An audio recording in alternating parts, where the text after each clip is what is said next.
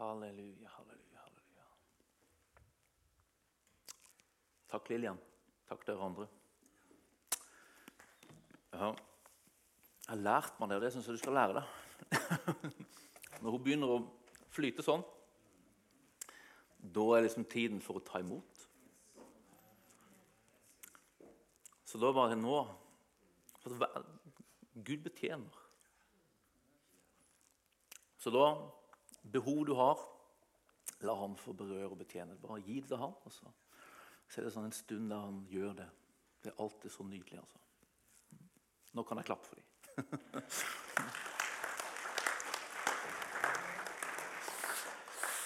Så bra. Roald, vil du gi meg denne der fjernkontrollen? holdt jeg på å si, den der Bildestyreren. Nei, helst ikke den nå. Nå skal jeg klare meg uten. Vi holder på med den der programerklæringen. vet du. Det, det, er jo, eh, det er jo sånne programerklæringstider nå. denne Trontalen akkurat vært, og statsbudsjett og Vet ikke om jeg følger med på sånt. Jeg følger ikke veldig mye med. jeg må innrømme det. Men eh, dere får med meg, altså. Og det er jo interessant, det der, for det, altså det her eh, tronetalen og statsbudsjettet det handler liksom om hva skal vi gjøre med hvilke ressurser.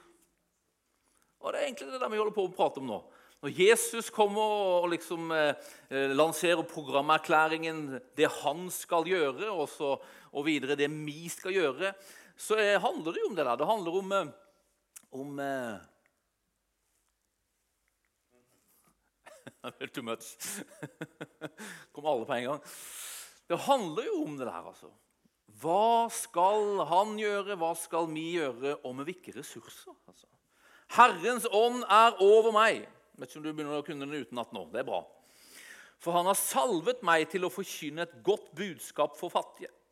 Han har sendt meg for å rope ut at fanger skal få frihet og blinde få syn igjen, for å sette undertrykte fri og rope ut et nådens år fra Herren, står det der. Og Der begynner jo Jesus, og det gjorde vi jo første gang vi pratet om det, så prater han om ressursene. Altså. Hvilke ressurser er tilgjengelige? Herrens ånd. Herrens ånd. Det betyr at himmelen er tilgjengelig som ressurs. Altså, Det er utgangspunktet. vet du. Og så Hva skal ressursene brukes på? Og så ramser han opp alt det her som vi har prata om nå i høst. Og i dag så skal vi avslutte det og prate om det siste, liksom, det siste setningen. Rope ut et nådens år fra Herren, står det. Og så har jeg kalt eh, prekenen for 'Hvilken dag er det i dag?' Hvilken dag er det i dag? Hvilken dag er det i dag? Husker du den sangen, eller? Ja, det var en kjært barndomsminne. altså. Jeg prøvde å sette på Portveien 2 for barna mine. De syns ikke det er like gøy som jeg syns det var. Det går for tregt, rett og slett. Men hvilken dag er det i dag? Og det, er på en måte, det, det handler i dag om vi skal prate om nådens år. altså. Rope ut et nådens år fra Herren. og det er Hvilken dag det er i dag? Det er, liksom, det er jo litt vesentlig, det. vet du, om du oppdager det. Jeg, en, jeg, jeg, er ganske dårlig på visse dager som man egentlig bør være ganske bra på i ekteskapet. har jeg funnet ut. Altså, Bryllupsdag, eksempel. Den er alltid pappa og mamma som bruker å påminne oss om det. Får sånn melding midt ute på formiddagen 'Gratulerer med dagen i dag.' Gratulerer med dagen i dag? Liksom så. Og så, og så, og så sier jeg takk, sier jeg, og så sender jeg melding til Sandra 'Gratulerer med dagen i dag'. sier jeg. Sånn. Det er jo ikke bra, altså.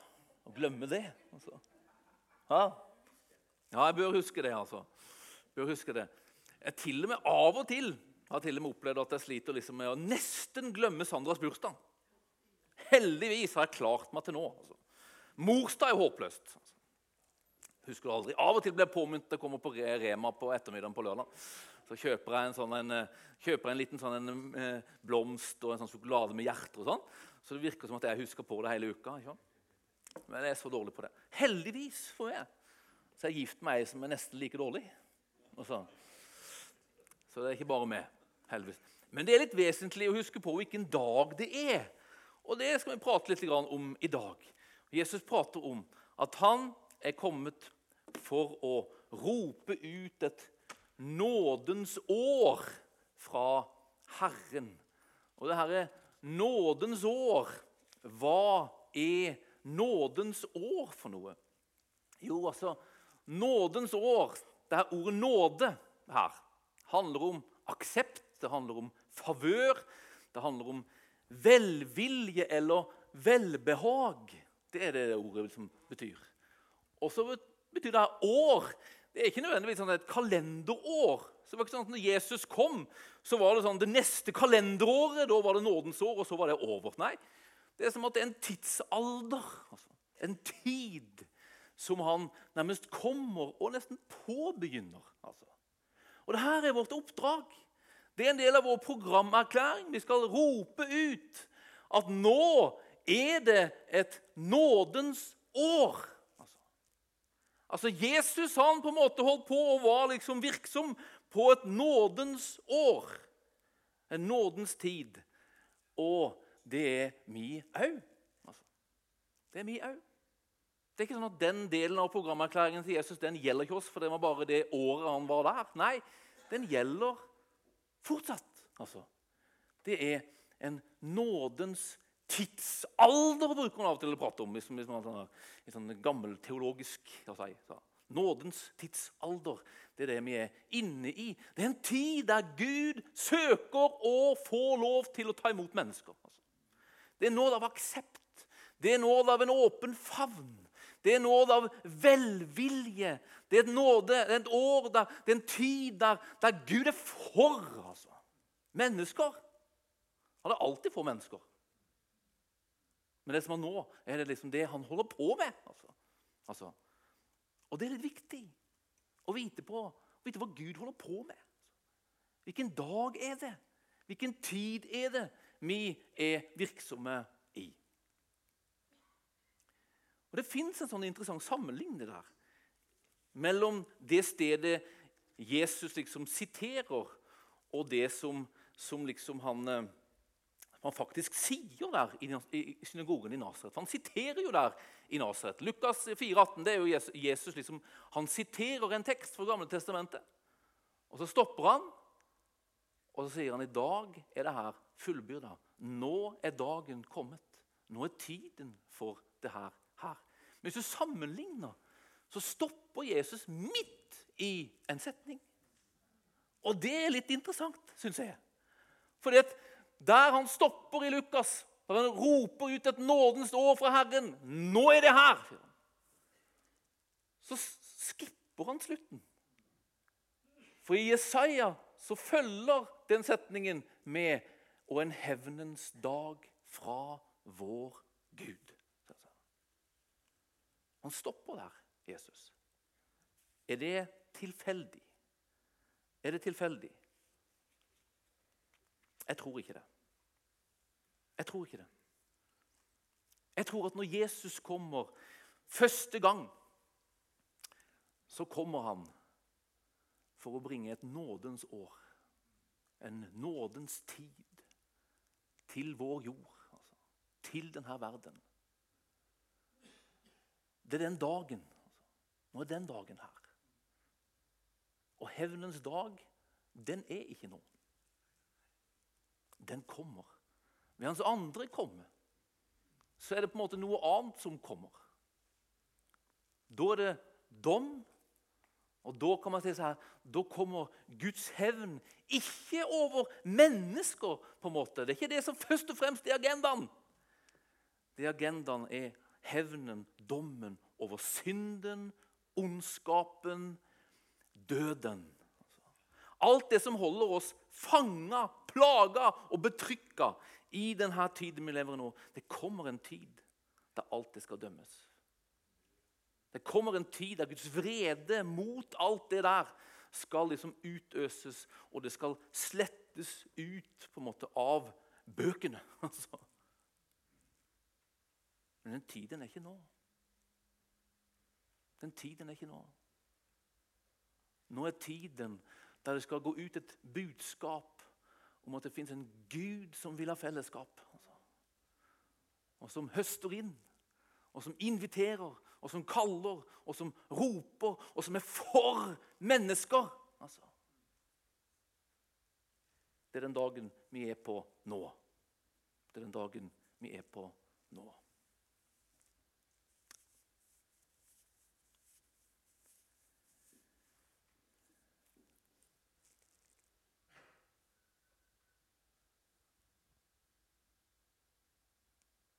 Husk på det her. Hvilken dag det er i dag. Hvilken dag det er i dag. Og det er som at Hvilken dag det er òg, som litt påvirker nærmest liksom eh, hjertelaget. Altså, Det påvirker hjertelaget. Jeg vet ikke om du har eh, opplevd det noen gang, at du har liksom tatt feil dag, og at det har påvirka hjertelaget ditt. Jeg har eh, gjort det noen ganger. Blant annet, en veldig sånn elementær greie at jeg, at jeg har litt vanskelig med å holde styr på når er det Signe går lange dager og korte dager på skolen. Eh, for På eh, korte dager da går Signe på SFO. Så da er det ikke så veldig nøye egentlig når jeg kommer og henter henne, for dette er hun på SFO. Men på lange dager da har hun ikke SFO, så da må jeg være der henne 14.20. Hvis ikke så blir hun stående alene. Og det liker hun ikke.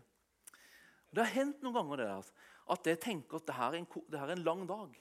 Jeg må være der 14.20.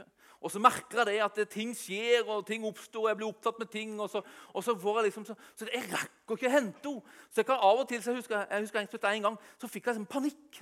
Å, jeg må, få, jeg må rekke å hente Signe. Og hvis ikke så må jeg finne en reserveløsning. Og, og, og den vanlige reserveløsningen Pappa han var opptatt med noe annet. så jeg, jeg må finne, Hva skal jeg gjøre?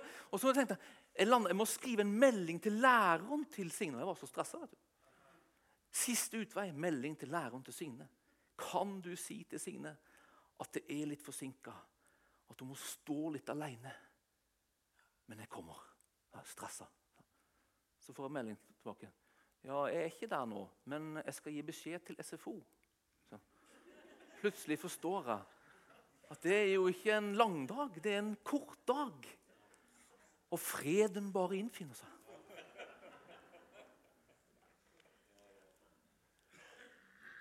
Hvilken dag det er, kan det påvirke hjertelaget. Vet, Gud er ikke en gud i vår tid som er på hevntokt. Som er på, på, på, en måte på domsoppdrag. Det er nådens tid. Det er nådens tid. Og når Jesus kommer første gang, så kommer han ikke for å bringe dom eller for å dømme verden, står det i Johannes 3.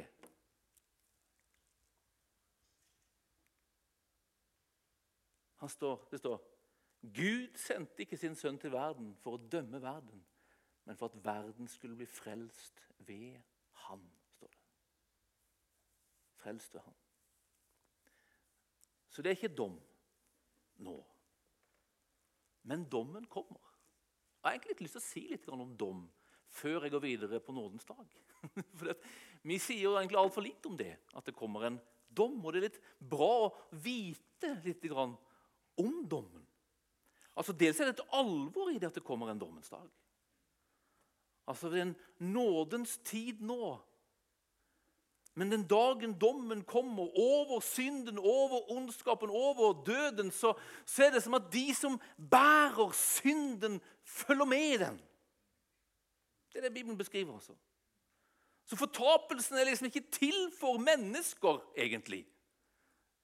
Til for djevelen og hans hær. Men det er som at de som ikke har fått liksom synden rensa bort, de på en måte følger med i den.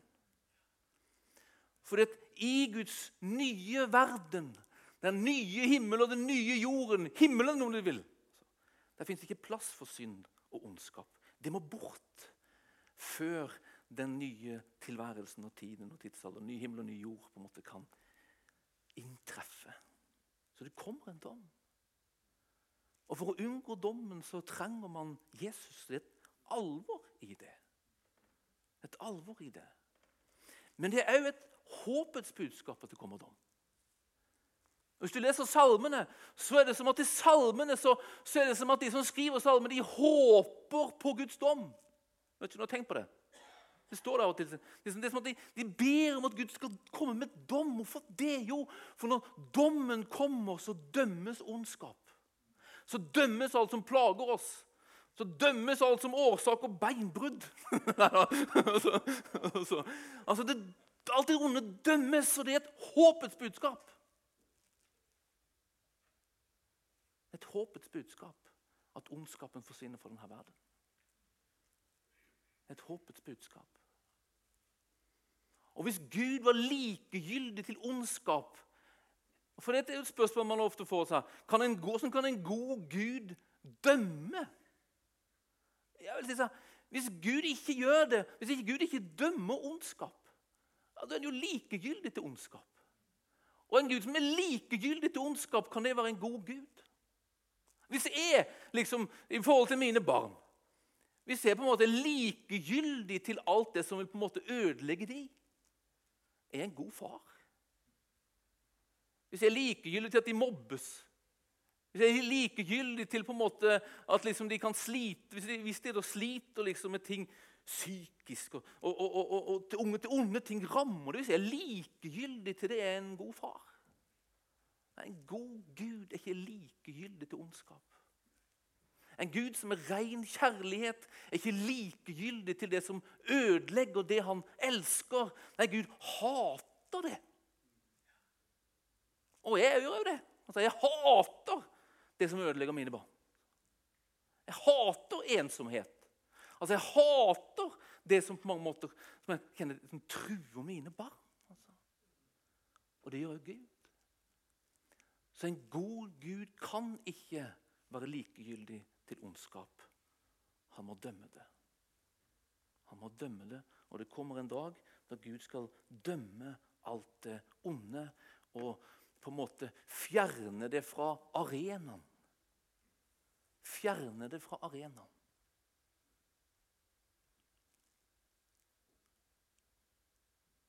Men dommen, min venn, den er annerledes for oss enn for de som ikke har Jesus i sitt liv. Den som har Jesus i sitt liv Bibelens budskap er at dommen for de er et håpets budskap. Det ikke er på en måte et fryktens eller alvorets budskap. Nei, Det står at de som har Jesus i sitt hjerte, de liksom kommer unna dommen. Det var veldig vanskelig å se den teksten helt der. Jeg hadde et håp om det, men så godt ser jeg ikke. men litt om dommen. Litt som har klassisk kristen lære å gjøre. Det at det fins to dommer. kan man si. Noen sier det fins trill med tre, men det er to. Og Den første på en måte er en slags Guds domstol. Og Den dommen handler egentlig bare om én ting, og det er hva gjorde du med Jesus. For Hvis man har sagt ja til Jesus, latt Jesus komme inn og bli ens frelser, forløser, så kommer man unna den dommen. Det står i 1. Tessalonikerbrev hos han. Skal vente på hans sønn fra himmelen. altså. Skal vente på hans komme.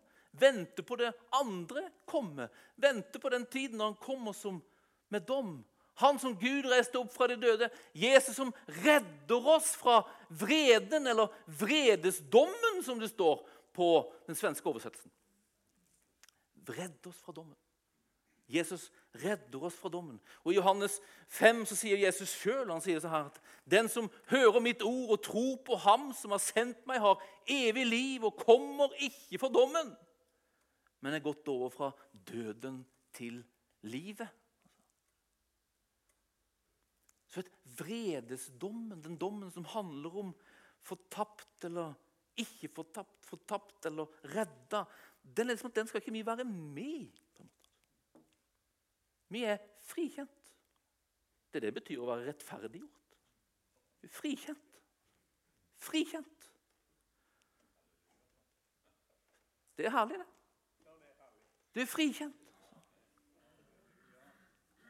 Og Er du ikke enda liksom en som tar, tatt imot Jesus og blitt frikjent, så kan han bli det. Altså. Det er egentlig det denne nådetiden først og fremst handler om. egentlig, altså, Det å bli frikjent fra dommen. Altså.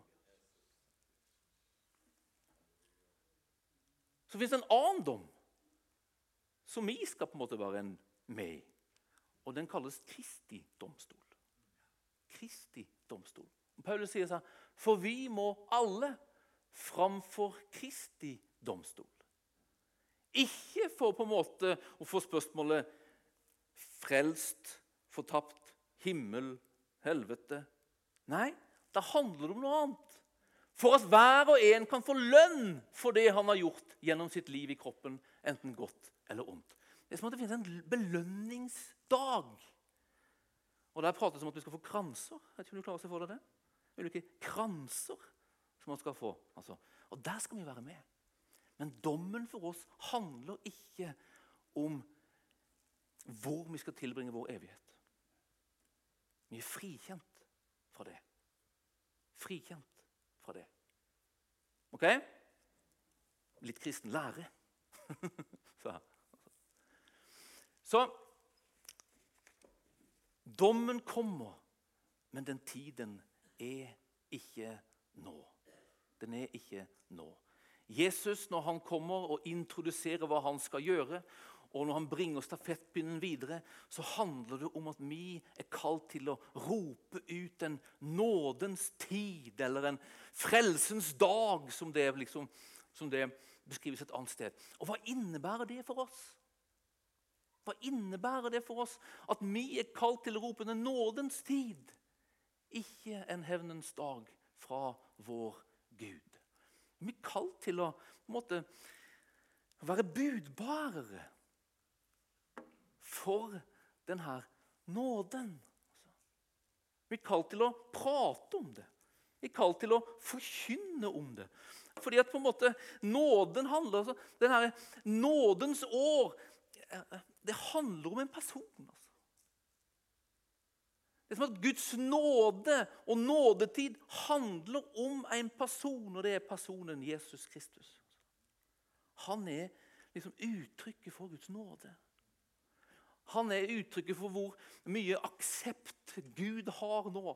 Hvor mye for mennesker han er nå. Det er, han som uttrykker hvor mye er Gud elsker og vil ha fellesskap med mennesker nå. Det er som at Jesus er Guds utstrakte hånd. Jesus er Guds invitasjon. Derfor er vårt oppdrag det er å gjøre Jesus kjent.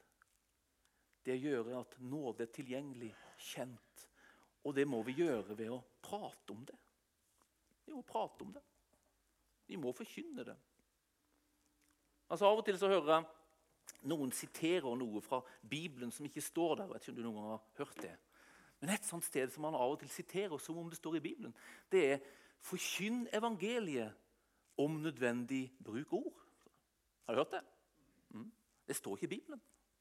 Bare så du vet. Det, har, det, er et poeng i det, altså. Men det står ikke i Bibelen.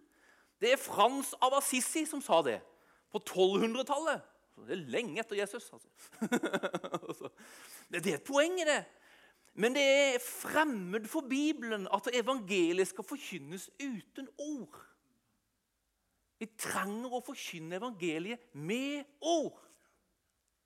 Hvorfor det? Jo, fordi hvis ikke noen forteller, åssen kan man da komme til tro? Og det er troen på Jesus som frelser fra dommen som kommer. Det er nåden tilgjengelig Jesus Kristus. Og vi må forkynne det vi må fortelle om det. For åssen kan de høre uten at noen forkynner? Og åssen kan de forkynne hvis de ikke er utsendt? Du er utsendt. Det er noe av det programerklæringen handler om. Når Jesus dør, eller når han dør, han står opp igjen og reiser til himmelen, så sier han nå er dere utsendt. Til å gjøre det jeg gjør. Til å forkynne evangeliet. Til å rope ut at et nådens år er tilgjengelig. Vi må prate om det, men ikke bare prate om det. Altså Når Jesus kommer og roper ut et nådens år, så prater han om det, men han prater ikke bare. Og jeg tror at det fins noen ting, og det her tror jeg på en måte handler om hvordan ser det ut for oss å rope ut et nådens år? Hvordan ser det ut for oss som menighet å være menighet i Froland på nådens dag som det er nå? I nådens tid som det er nå. Vi er kalt til å formidle Jesus. Og vi er kalt til å formidle et hjertelag. Guds hjertelag. Jesus er uttrykket for et hjertelag. Og det hjertelaget må vi formidle ved ord. Men det holder på mange måter ikke å formidle Guds hjertelag ved ord. Vi er kalt til noe mer. Og Bibelen kaller oss til noe mer. Det er fryktelig lett av og til å bare prate. Det er fryktelig lett å, å, å, å si til en hjelpeløs kar som går på krykker, og si at 'jeg tenker på deg'. Men av og til så kreves det òg at noen henter meg til møte, som Rolig i dag. Altså. det, det, er som at vi er kalt til noe mer. Guds hjertelag, det at han på en måte er, liksom for mennesker og en aksept mennesker. Det er ikke en sånn, en sånn halvveisholdning der han setter inn en annonse i avisa og så sier han at de får komme hvis de vil. Guds hjerte er så utstrakt til mennesker. Det er, det er liksom fylt av og Jeg bruker alltid å beskrive det ordet liksom, som inderlig barmhjertighet og medlidenhet. Altså. altså, Han lengter, han Altså, Det er ikke bare en sånn halvveis nådedag vi er inne i. der liksom Gud tenker skal jeg dømme eller er det nåde. Jeg kan vente litt med dommen, men det er bare så vidt. Nei, Gud er all in på å være for mennesker. Altså. Han vil ta imot mennesker. Det er som at Dommen er liksom ikke på hans agenda nå. Det er noe annet. Og Det er nåde, og det var for mennesker. Hvordan skal det se ut for oss? Jeg tror Det er et par ting i alle fall, som jeg har lyst til å nevne, som jeg tror vi er kalt til, som et uttrykk for at vi er kalt eller til et nådens år. Og Det første er at vi må tale om det. Altså. Vi må tale om det. Vi må forkynne evangeliet. Altså. Vi er kalt til det. Men det andre er at vi er kalt til å være forbedre for bygda vår og for mennesker. Vi er ikke nå kalt til å, til å, til å profetere dom og profetere undergang. Og Vi er heller ikke kalt til å forakte alt vi ser rundt oss. Altså, Vi ser jo ting rundt oss som vi ikke liker. Jeg tror vi alle gjør. Men da må vi vite hva er vårt kall nå. Hva er vi sendt for å gjøre? Hva er vi sendt for å gjøre her av Gud i denne bygda når vi ser ting rundt oss vi ikke liker? Er det å, å rope ut hevn og dom? Nei, den dagen den kommer over all ondskap. Men nå er vi kalt til å be for alle mennesker. Paulus sier det veldig tydelig. han i Første, Timoteus brev står det der, kapittel 2. Så står, Jeg formaner dere framfor alt og bære fram bønn og påkallelse, forbønn og takk for alle mennesker.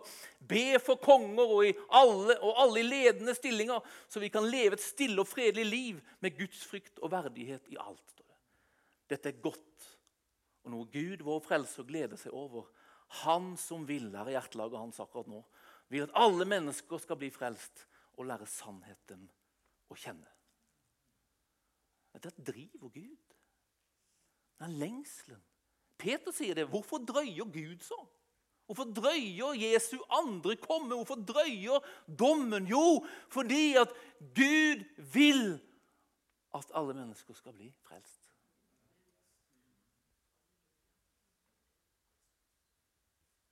Det er vårt oppdrag. Be for mennesker. Be at det skal gå vel for mennesker. Be at det skal gå vel for bygda vår. Eh, det finnes en lignende liksom, greie i, i Gamle testamentet, der, der, jødene er fanger i Babylon, altså, under betrykk og en ond konge som heter Nebukadnesa. Hva er ordet fra Gud gjennom Jeremia til det folket som er i fangenskap? Er det 'gjør opprør'?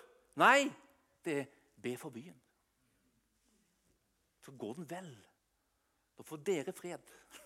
altså, vi skal be for mennesker. Vi skal be at de skal bli frelst. Men vi skal jo be at det går de vel. Altså. At det går vel for de som styrer bygda, selv om ikke vi har eh, ordføreren snart i vår krets. Men, men, men vi ber for henne nye òg, altså. altså. Vi kaller til å be for ordfører, vi kaller til å be for kommunestyre, vi kaller til å be for kommuneadministrasjon, vi kaller til å be for skoler, vi kaller til å be for barnehagen. Vet dere det at Peter kaller oss for prester? Det er vanskelig for oss forlendinger å erkjenne at vi er prester. Men vi er prester. Og er prestens oppgave? Jo, det er å bære bl.a. innenfor Gud mennesker behov. Løfte det innenfor Gud i bønn. Vi er kalt til å gjøre det. Kalt til å gjøre det. Og så er det mye rundt oss som vi ikke liker. Og Jeg sier ikke at vi, at vi skal bare tie stille om det og ikke gjøre noe med det.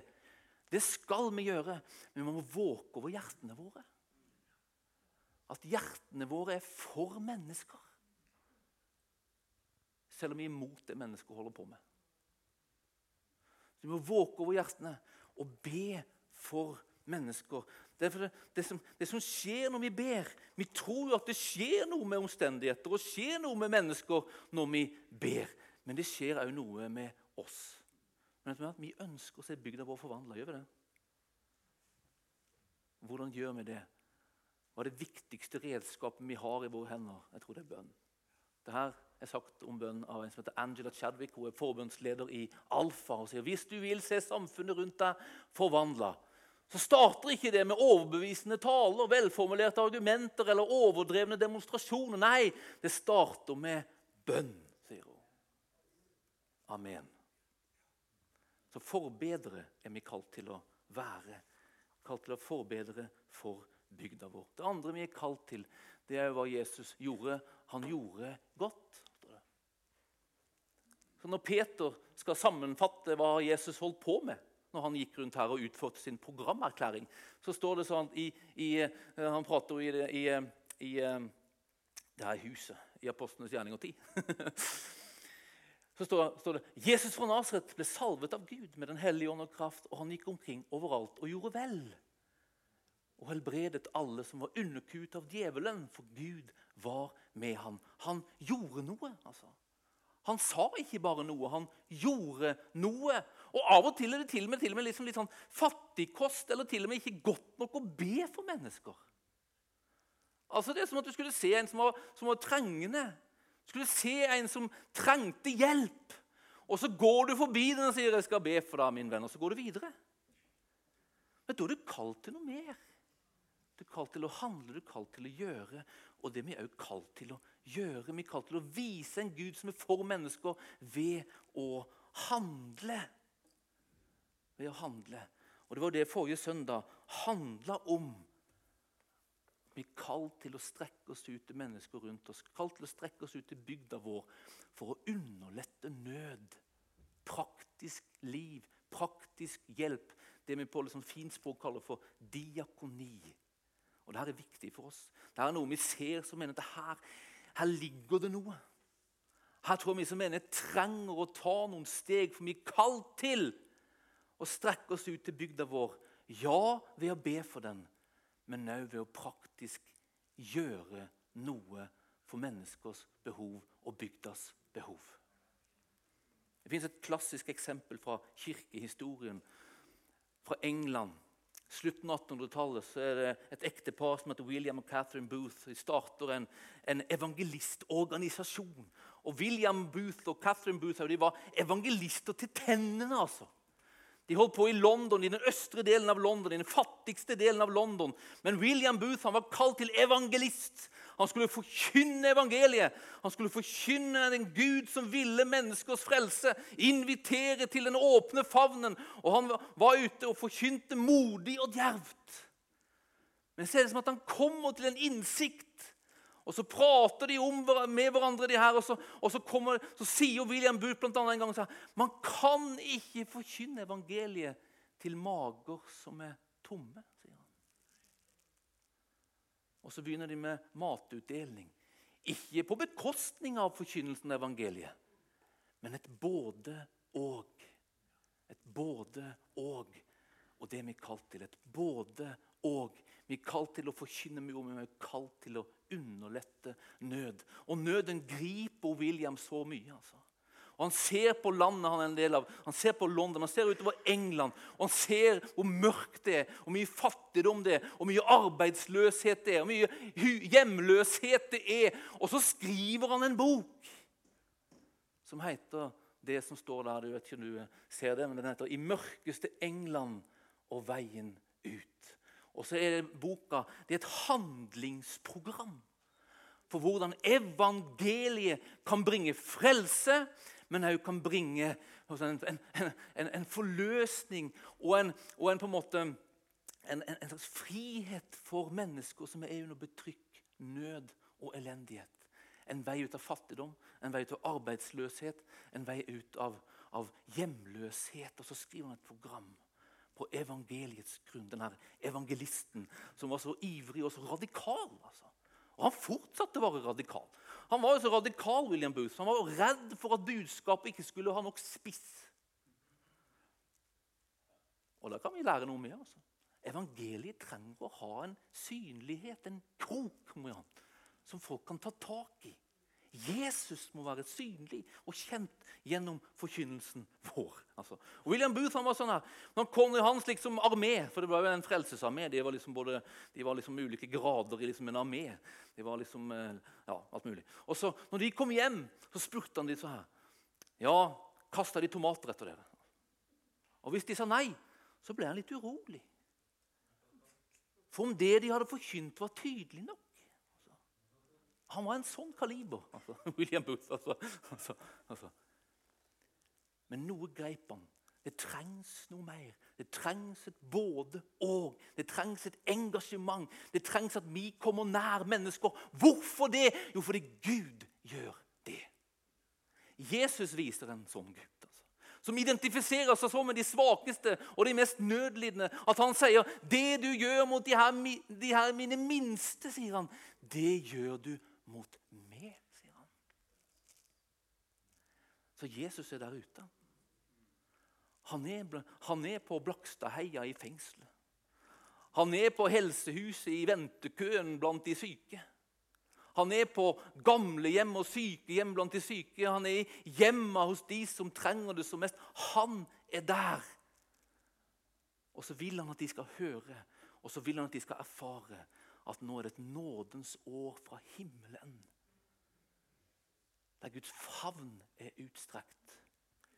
Og vi er kalt til å rope det, ikke bare her inne, og ikke bare ved ord, men ved å be og ved å underlette nød rundt oss. Jeg syns det var så sterkt forrige søndag her. altså. Det som, det som kom gjennom Maria og Daril rundt uh, rundt det med, med til stede. Og Vi ber om det. og Vær gjerne med oss og be åssen det skal se ut for oss. Vi gjør en del ting. Vi deler ut matpakker og alt sånt. der, Men, men, det, men det, er liksom ikke, det, er liksom ikke, det er ikke sånn at Guds hjerte stopper der. Og så lenge ikke Guds hjerte stopper der, så skal ikke vårt hjerte heller stoppe der. Det er liksom ikke tid for å slå seg på brystet og se så flinke vi er som deler ut litt mat. Det er herlig å gjøre, å gjøre, det. Det oppleves godt å gjøre det, og meningsfullt. Men det er som at det fins mer tror jeg, for oss å innta som menighet når det gjelder å underlette nøden rundt oss. Be gjerne med oss om vi ønsker å finne veiene der vi kan få gjøre det, og på den måten være med på det Gud gjør i vår bygd. Han besøker mennesker. Og det er Et besøk eller en erfaring av en omsorgsfavn, det åpner hjertet. det. Og som William Booth fant ut, Det kan ikke forkynne evangeliet for mager som er tomme. Det er som at hjertene er stengt. De er opptatt av noe annet. De er opptatt av å få et behov møtt. Vi må møte menneskers behov, sånn at de kan få bli opptatt med å, å få metta det behovet som de aller mest egentlig trenger å få metta. Fellesskapet med Gud. Det trengs på mange måter liksom hjerteåpnere. Og det å underlette nød, det er en hjerteåpner. Det er en hjerteåpner blant mennesker. Vi spør oss stadig her, hva gjør du nå, Gud? Hva gjør du nå, Gud? Hva gjør du nå på det her nådens år, denne nådens tid, denne nådens dag i Froland? Hvordan kan vi rope det her ut. Åssen ser vårt rop ut? Jo, det må se ut som at vi sier noe om Jesus. Et kall vi har, som vi aldri på en måte kan gå bort ifra. og som vi bare må søke og, og liksom be om djervet og mot til å gjøre enda mer. Men, men åssen ser det òg ut? Jeg tror det ser ut at det fins en, en, en menighet her som ber. En gjeng med prester som bærer bygda si for Gud. Jeg tror det ser sånn ut. Jeg tror vi er kalt til å gjøre det. Og så tror jeg det ser ut som en Jesus virksom ute blant de som trenger ting som mest. Der nøden er som størst, der svakheten er som mest åpenbar, der er han til stede. Og vi er kalt til å være hans hender og føtter ute blant mennesker i denne bygda. Vi er kalt til å rope ut et nådens år fra vår Gud. Amen. Amen. Amen. Lovsangen kan komme.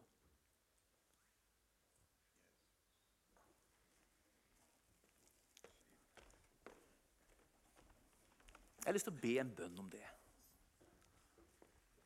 At vi skal få være en menighet som roper ut nådens år. Som, som på en måte òg gjør denne programerklæringen. Alle de delene vi har pratet om nå i høst. Vi skal få være en menighet som på en måte er bevisst på det. Og som er litt mer og mer kommer inn i det. Vi gjør det jo allerede, men enda mer. Jeg har lyst til å be en bønn, og så har jeg lyst til å utfordre det. En eller to stykk. Og komme fram og så bare be. Altså, Vi kjører en liten sånn bønnestafett. Ikke lang. Korte bønner. Men jeg ber om at vi som mennesker får være og gjøre det enda mer. Og så tar Roald, utfordrer du Roald til å be for oss som menighet. Og så vil jeg gjerne ha én til. En frimodig sjel. Nå begynner jeg. Roald, du kan ta mikken. Far i himmelen, Herre. Takk for det privilegiet det er at vi som menighet er kalt til denne bygda, Herre. Vi er kalt til å være bevisste på at vi i denne bygda er utrusta med Din Hellige Ånd. Med en hensikt. Til å forkynne evangeliet for fattige. Til å rope ut frihet for fanger. Til å gi syn til de blinde.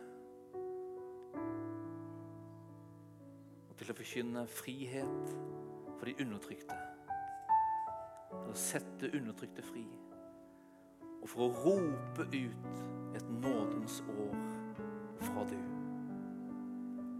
Herre, vi bare ber Herre, at vi skal få være en bevisst gjeng som fylt av mot, fylt av visdom og forstand, fylt av Din Hellige Ånd, Herre, kan få finne veier og finne måter der vi kan få gjøre det enda mer, Herre. Herre, Vår lengsel at du skal bli merkbar i denne bygda, Herre. At din utstrakte favn og hand skal få være merkbar og erfart i denne bygda, Herre. Hjelp oss i det, far. I Jesu navn.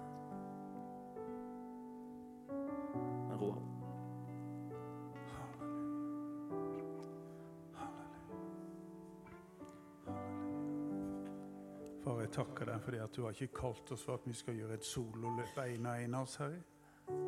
Du har kalt oss for at vi skal være et legeme, Herre. Vi skal være ditt legeme, Herre. Og vi skal samhandle, Herre, med de egenskaper som den enkelte har, far. Med de gaver du har gitt oss, Herre. Bare ber om en frihet i menigheten, Herre. Så de gaver du har lagt ned i den enkelte, skal få lov til å virke, Herre. I og gjennom oss, Herre. Jesus Kristus. Du har sagt det at uten det så kan vi ingenting gjøre, Herre. Ingenting som har evighetsverdi. Bare ber for at du skal smelte oss i sammen som enhet, Herre. Du skal hjelpe oss å samarbeide far, for at vi skal vinne denne bygda, Herre. La din enhet råde, Herre. Om du må rive ned religiøsitet, om du må rive ned tradisjoner i mitt liv og i andres liv, så bare ber jeg om at du kommer og gjør det, Herre. For at vi skal fortjene det i frihet, Herre. I sannhet, Herre. For å vinne mennesker for ditt rike. Herre, at vi skal få lov til å være livreddere i din armé, Herre. Livreddere, Jesus som drar mennesker ut av Satans grep og fører dem inn i ditt rike. Gjør dem til etterfølgere av deg, Jesus. Kom du, Herre, og istandsett ditt legeme. Jeg bare ber om frihet for oss, Herre. Frihet til å tjene det sånn som du har tenkt at vi skal tjene det, Herre. Sånn som du har tenkt at det skal være. I Jesu navn. I Jesu navn. Kom og hjelp oss. Kom og hjelp oss. Kom og hjelp oss. Kom og hjelp oss, Jesus. Og Jeg ber om at det skal være sånn at du, du har litt mer plass. Ikke litt, men mye mer plass i mitt liv. Herre. Og jeg er sikker det er, bare, det er ikke bare meg. Det er rom for mer av det i Jesus. Jeg ber om at du kommer og rører over våre hjerter, Herre. Kom og rør ved våre hjerter, sånn at du får mer plass. Så du får dominere oss, Herre. Det er nok av mitt eget i mitt liv. Det er du jeg trenger mer av, Jesus. Kom og rør ved oss ved din hellige ånd, far. Kom og rør ved oss, Herre. Hjelp oss å slippe ting som holder oss igjen, Herre. Gi oss frihet til å tjene det i Jesu navn.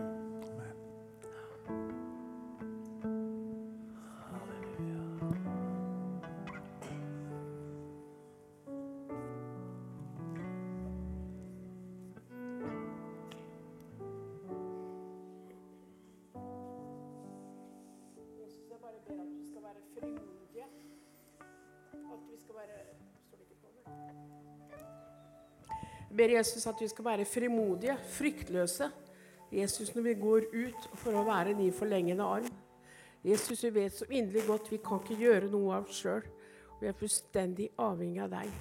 Så ber jeg samtidig at vi skal vandre med ydmykhet, Jesus, men bruke det som du har lagt ned i den enkelte av oss. Lenge nok har vi sittet Jesus, vi ønsker å tjene deg og følge deg og dine veier. Og Jesus, du har kalt oss for en tid som denne. Så jeg ber om stor frimodighet, Herre, til å våge å trå ut. Og Jesus, vi er avhengig av deg. Vi er avhengig av deg. Amen.